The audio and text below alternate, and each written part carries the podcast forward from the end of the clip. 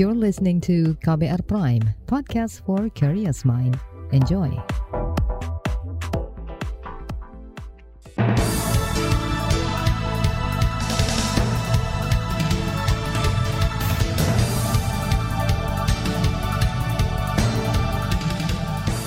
Selamat pagi saudara, senang sekali kami bisa menjumpai Anda kembali melalui program Buletin Pagi edisi Jumat 7 Oktober 2022. Bersama saya Naomi Liandra.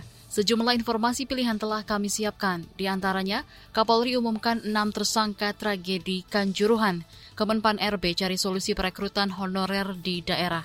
Masyarakat adat Kerom Papua diminta memetakan tanah wilayah. Inilah Buletin Pagi selengkapnya. Terbaru di Buletin Pagi.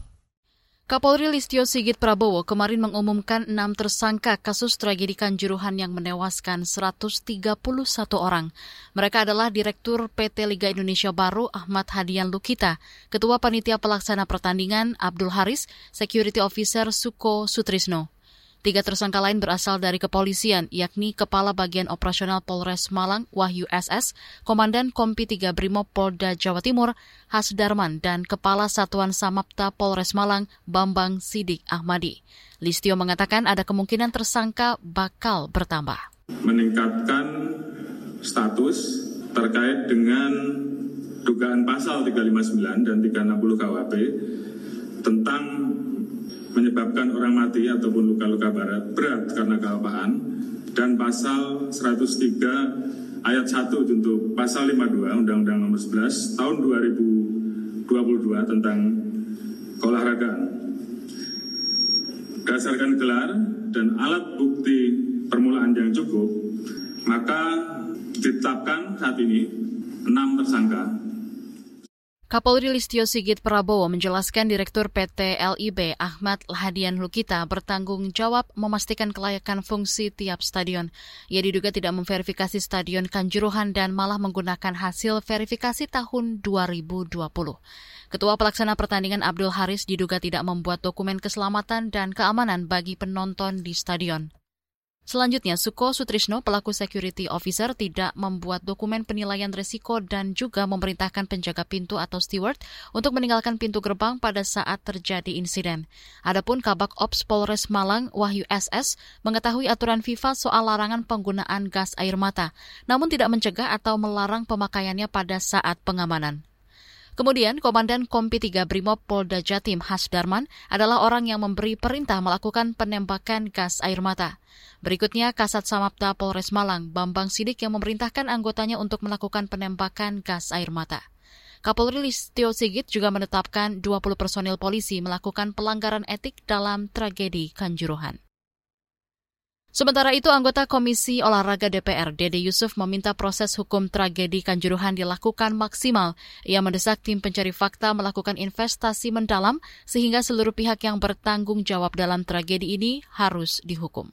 Bahwa jangan sampai kemudian yang dicari ini ibaratnya yang uh, harus bertanggung jawab ini yang bagian terbawahnya. Kita justru harus jelas, urusan ini yang bertanggung jawab adalah si X urusan ini yang bertanggung jawab si, si B ya. misalnya. Artinya nggak semuanya itu bisa disamaratakan. Saya pikir Pak Kapolri juga sudah memberikan sikap ya, ya. untuk uh, menonaktifkan Kapolres ya, ya. lalu berikut danton-danton atau apa itu sudah dicoba. Sebetulnya siapa sih yang paling bertanggung jawab? Apakah Kapolda, apakah Kapolri itu TGPF lah yang nanti akan eh, akan melakukan penelusuran. Anggota DPR dari fraksi Demokrat Dede Yusuf menambahkan pihaknya sudah berupaya mengundang pihak terkait seperti Polri, PSSI hingga Kementerian Pemuda dan Olahraga untuk membahas tragedi Kanjuruhan. Namun rapat belum terlaksana karena sebagian dari pihak tersebut masih berada di Malang. Ia juga menyatakan bahwa DPR menghargai kerja tim pencari fakta bentukan pemerintah LSM Pegiat HAM Kontras Surabaya menyebut tragedi Kanjuruhan bukan disebabkan faktor kelalaian tapi kesengajaan. Ketua Badan Pengurus Kontras Surabaya, Andi Irfan Junaidi, menilai kurang tepat bila kepolisian menggunakan pasal tentang kelalaian yang mengakibatkan orang lain meninggal. Ini juga, juga di lapangan ya, dari keterangan yang kita dapat, dari kabar-kabar yang kita terima, itu si siapa namanya petugas di lapangan kan menembakkan gas air mata itu secara serempak ya, tidak hmm secara sporadis, secara serempak, uh, intensif, agresif, uh, Jadi nggak ini, nggak, nggak bisa dibilang itu kelalaian. Itu kesengajaan. Ketua Badan Pengurus Kontra Surabaya Andi Irfan Junaidi menambahkan tindakan aparat saat tragedi Kanjuruhan juga bisa menjurus pada kejahatan HAM. Hingga kini tim Kontras terus menggali dan mengumpulkan fakta di lapangan. Kalangan supporter sepak bola menuntut keadilan ditegakkan terkait tragedi Kanjuruhan. Perwakilan supporter Persebaya Surabaya Andi Peci mengancam seluruh supporter akan bertindak revolusioner jika tragedi Kanjuruhan tidak diusut tuntas. Andi menuntut proses hukum dilakukan transparan, siapa pun yang bertanggung jawab harus dihukum. Terkait tuntutan-tuntutan pokok apa yang harus dilakukan oleh tim gabungan independen mencari fakta tragedi Kanjuruhan, sesegera mungkin itu selesaikan tidak hanya sekedar diselesaikan tapi memang harus terang benderang siapa siapa yang bertanggung jawab hukumannya apa dan sebagainya itu segera diputuskan itu yang kami sampaikan soal itu Tuntutan perwakilan supporter Persebaya Surabaya Andi Peci ini disampaikan langsung ke beberapa anggota tim gabungan independen pencari fakta kemarin. Kemenpan RB cari solusi perekrutan honorer di daerah. Informasinya akan hadir sesaat lagi. Tetaplah di Buletin Pagi KBR. You're listening to KBR Pride, podcast for curious mind. Enjoy!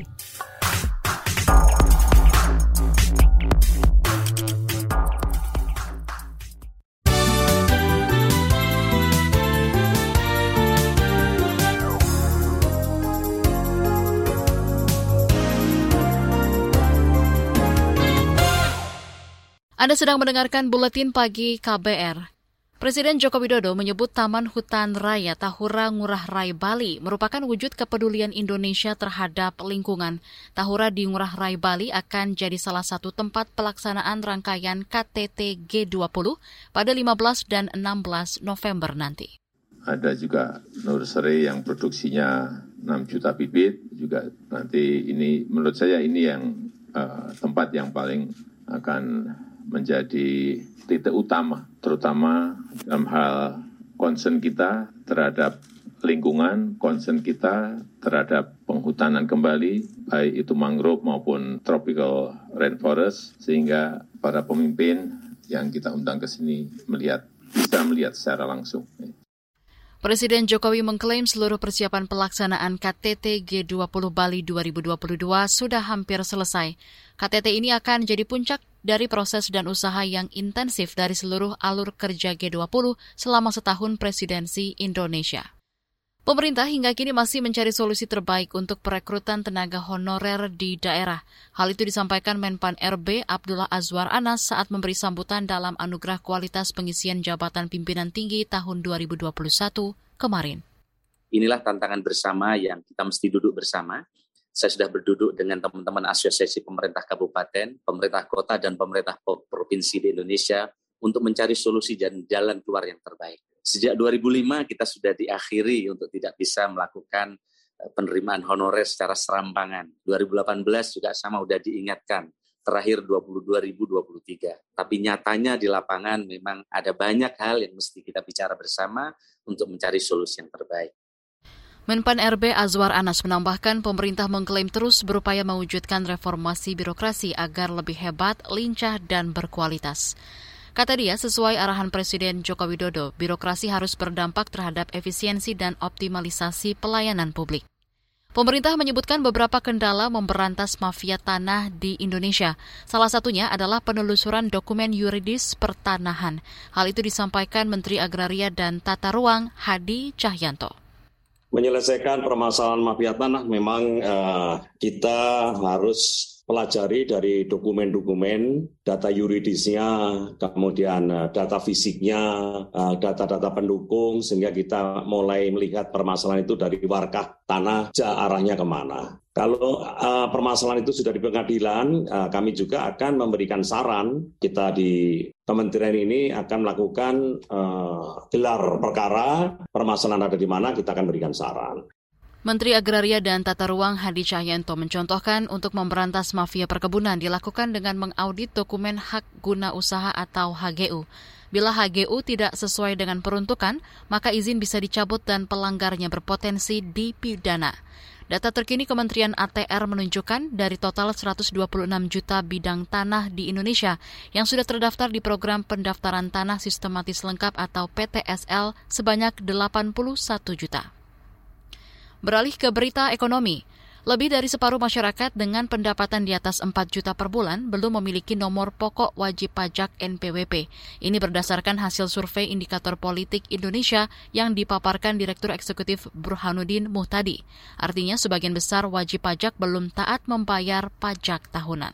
Tapi kalau kita zoom mereka yang pendapatannya 4 juta ke atas, eh, nanti koreksi ya eh, Pak Dirjen Pajak, setahu saya 4,5 juta ya yang wajib pajak pribadi yang pendapatnya 4 juta ke atas yang punya NPWP 45,8 persen. Artinya, nah ini buat menggenjot eh, apa wajib pajak masih ada 55-an persen warga yang pendapatan yang 4 juta ke atas yang belum punya NPWP. Direktur Eksekutif Indikator Politik Indonesia Burhanuddin Muhtadi menambahkan, wajib pajak berpendapatan di atas 4 juta per bulan yang melaporkan surat pemberitahuan tahunan SPT pajak baru sekitar 70 persen. Kita beralih ke berita mancanegara. Anak-anak korban luka penembakan massal di Thailand membutuhkan donor darah untuk menyelamatkan nyawa mereka. Insiden tragis ini mengakibatkan 34 tewas, 22 di antaranya adalah anak-anak. Pelakunya adalah bekas polisi bernama Panya Kamrap, 34 tahun yang dipecat karena memakai narkoba. Ia mendatangi tempat penitipan anak dan langsung menembak lima staf, termasuk seorang perempuan yang tengah hamil.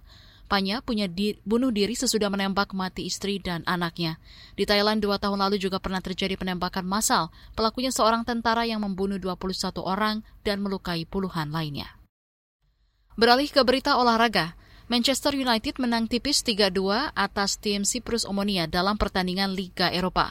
Marcus Rashford mencetak dua gol, satu gol lagi disumbang Anthony Martial yang menghindarkan setan merah dari hasil imbang di kandang lawan. Pada pertandingan lain, Arsenal menang besar 3-0 atas Bodo, sedangkan AS Roma kalah 1-2 atas Real Betis. Malam nanti, Timnas Indonesia akan menghadapi Palestina pada laga ketiga kualifikasi Piala Asia U17 2023 di Stadion Pakansari Bogor. Pelatih Bima Sakti meminta timnya bermain maksimal dan jangan bergantung pada hasil laga tim lain. Ex penyerang timnas ini mewaspadai pemain-pemain Palestina yang berpostur jangkung. Untuk itu, lini belakang mesti diperkuat. Bila skuad Garuda Asia menang, maka laga ini akan semakin mengukuhkan posisi timnas sebagai pemuncak klasemen grup B. Di atas kertas, Arkan, Kakak, dan kawan-kawan unggul atas Palestina. Pasalnya, tim lawan sudah kalah dua kali, yaitu melawan Malaysia dan Uni Emirat Arab. Sebaliknya, timnas menang di dua laga, yakni atas Guam dan Uni Emirat Arab. Di bagian berikutnya akan kami hadirkan laporan khas KBR yang membahas kontroversi pencopotan Hakim Konstitusi Aswanto oleh DPR. Simak usai jeda, tetaplah di Buletin Pagi KBR. You're listening to KBR Pride, podcast for curious mind. Enjoy!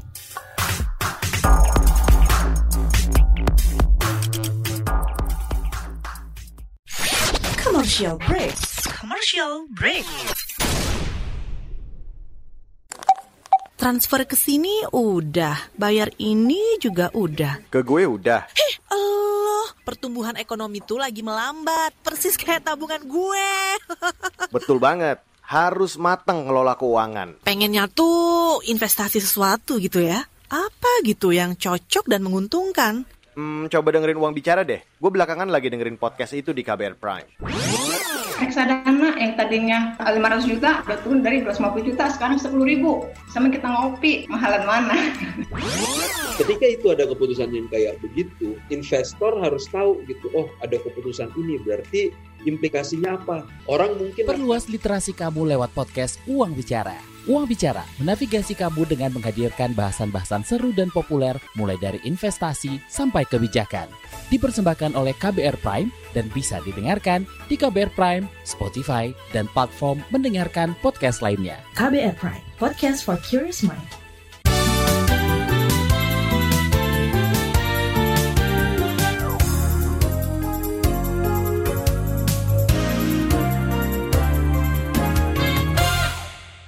Anda masih bersama kami di Buletin Pagi KBR.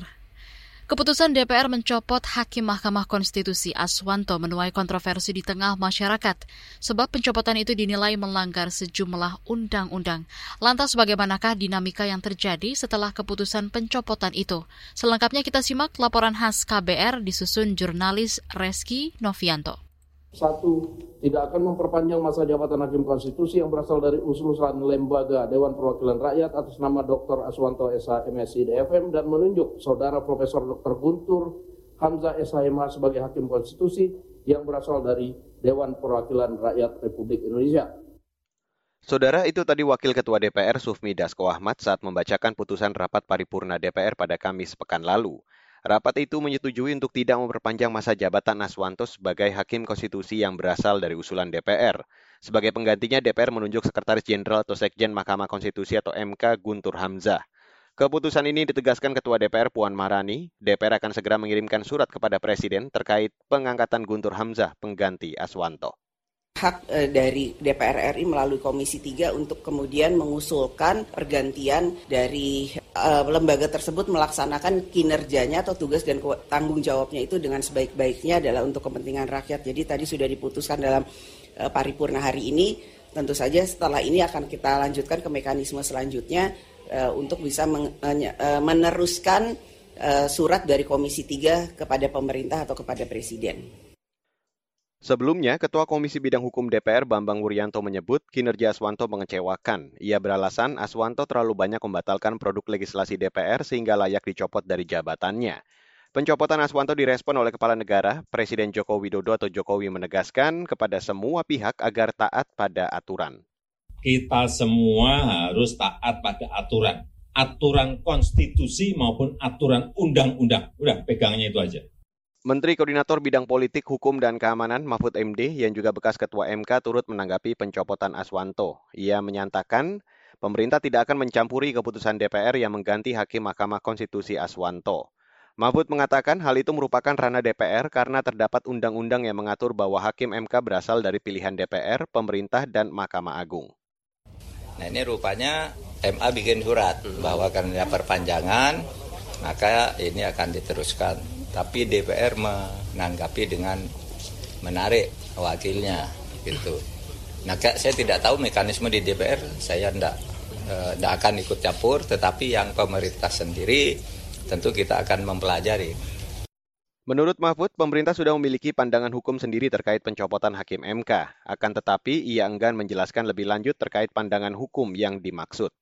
Pencopotan Aswanto turut dikecam para ex-hakim MK. Bekas Ketua MK Jimli Asidik menilai DPR sudah melanggar Undang-Undang Dasar atau UD 1945 dan Undang-Undang MK terkait pemberhentian Hakim Konstitusi Aswanto. Menurut Jimli, pemberhentian Hakim Konstitusi harus berdasarkan keputusan MK yang kemudian ditindaklanjuti lewat keputusan Presiden atau Kepres. Jimli menyatakan, kalau tidak ada pemberhentian, maka tak ada kekosongan jabatan. Apabila tidak ada kekosongan jabatan, DPR pun tak bisa mengusulkan hakim konstitusi yang baru. Ia menegaskan bahwa keputusan DPR mencopot Aswanto dan mengangkat Sekjen MK Guntur Hamzah sebagai gantinya tidak bisa dibenarkan. Jadi saya namakan ini pemecatan seorang hakim konstitusi oleh DPR tanpa dasar hukum, tanpa alasan, bahkan saya sudah telepon beberapa hakim, tidak pada tahu. Ini mendadak sekali gitu. Nah, jadi jadi ini ada yang tidak beres cara DPR memperlakukan MK. Nah ini akan merusak di di independence of di mana cabang kekuasaan kehakiman sedang merana, menderita. Kini para bekas hakim Mahkamah Konstitusi atau MK menunggu itikat Presiden Jokowi untuk menggelar pertemuan dengan Ketua MK dan DPR. Hal ini sebagai langkah mediasi terkait pemberhentian Hakim Konstitusi Aswanto oleh Parlemen. Jimli mengatakan permintaan agar Presiden memediasi pertemuan MK dengan DPR telah disampaikan melalui Menko Polukam yang juga bekas Hakim MK Mahfud MD.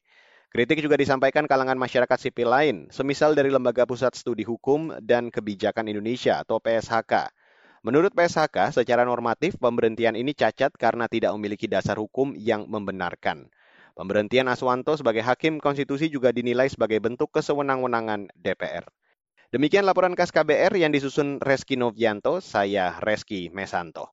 Saudara, informasi dari berbagai daerah akan hadir usai jeda. Tetaplah bersama Buletin Pagi KBR. You're listening to KBR Pride, podcast for curious mind. Enjoy!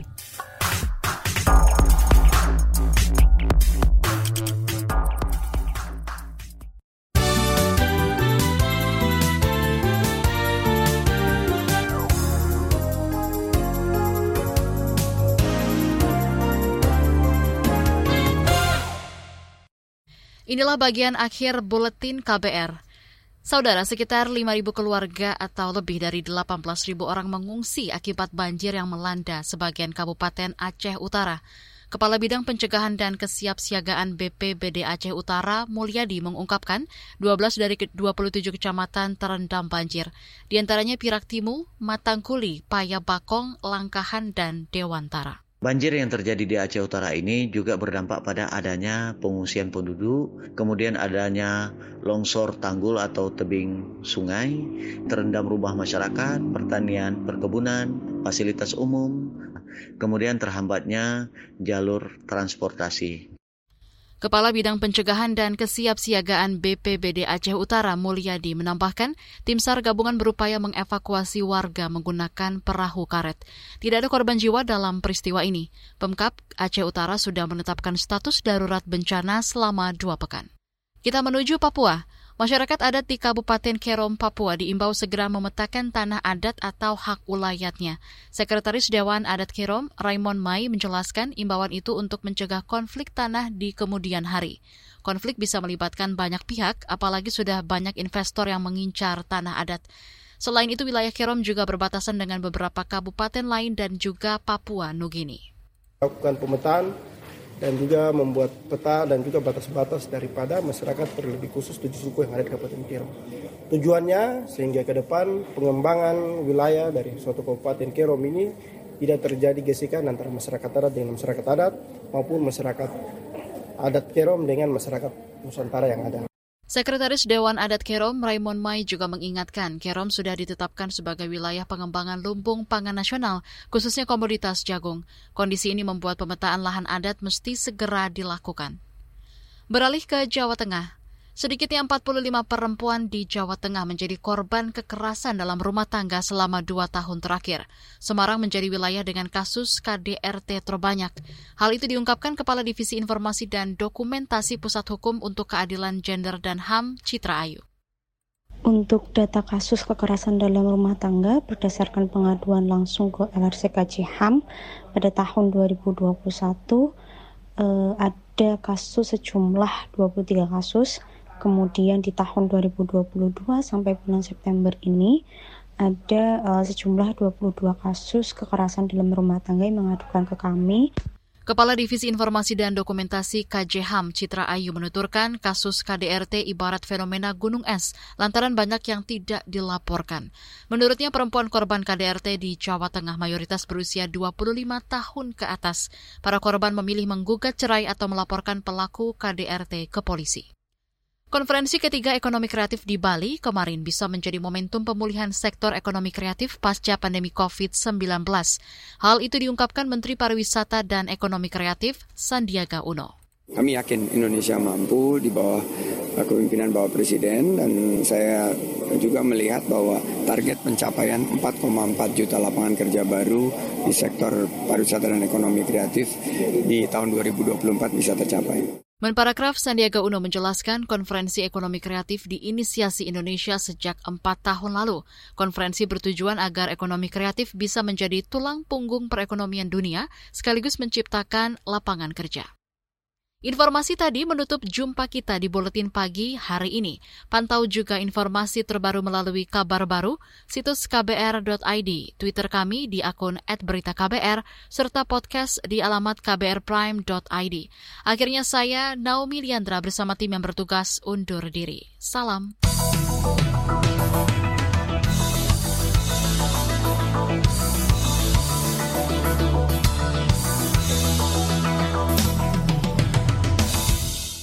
KBR Prime, cara asik mendengar berita.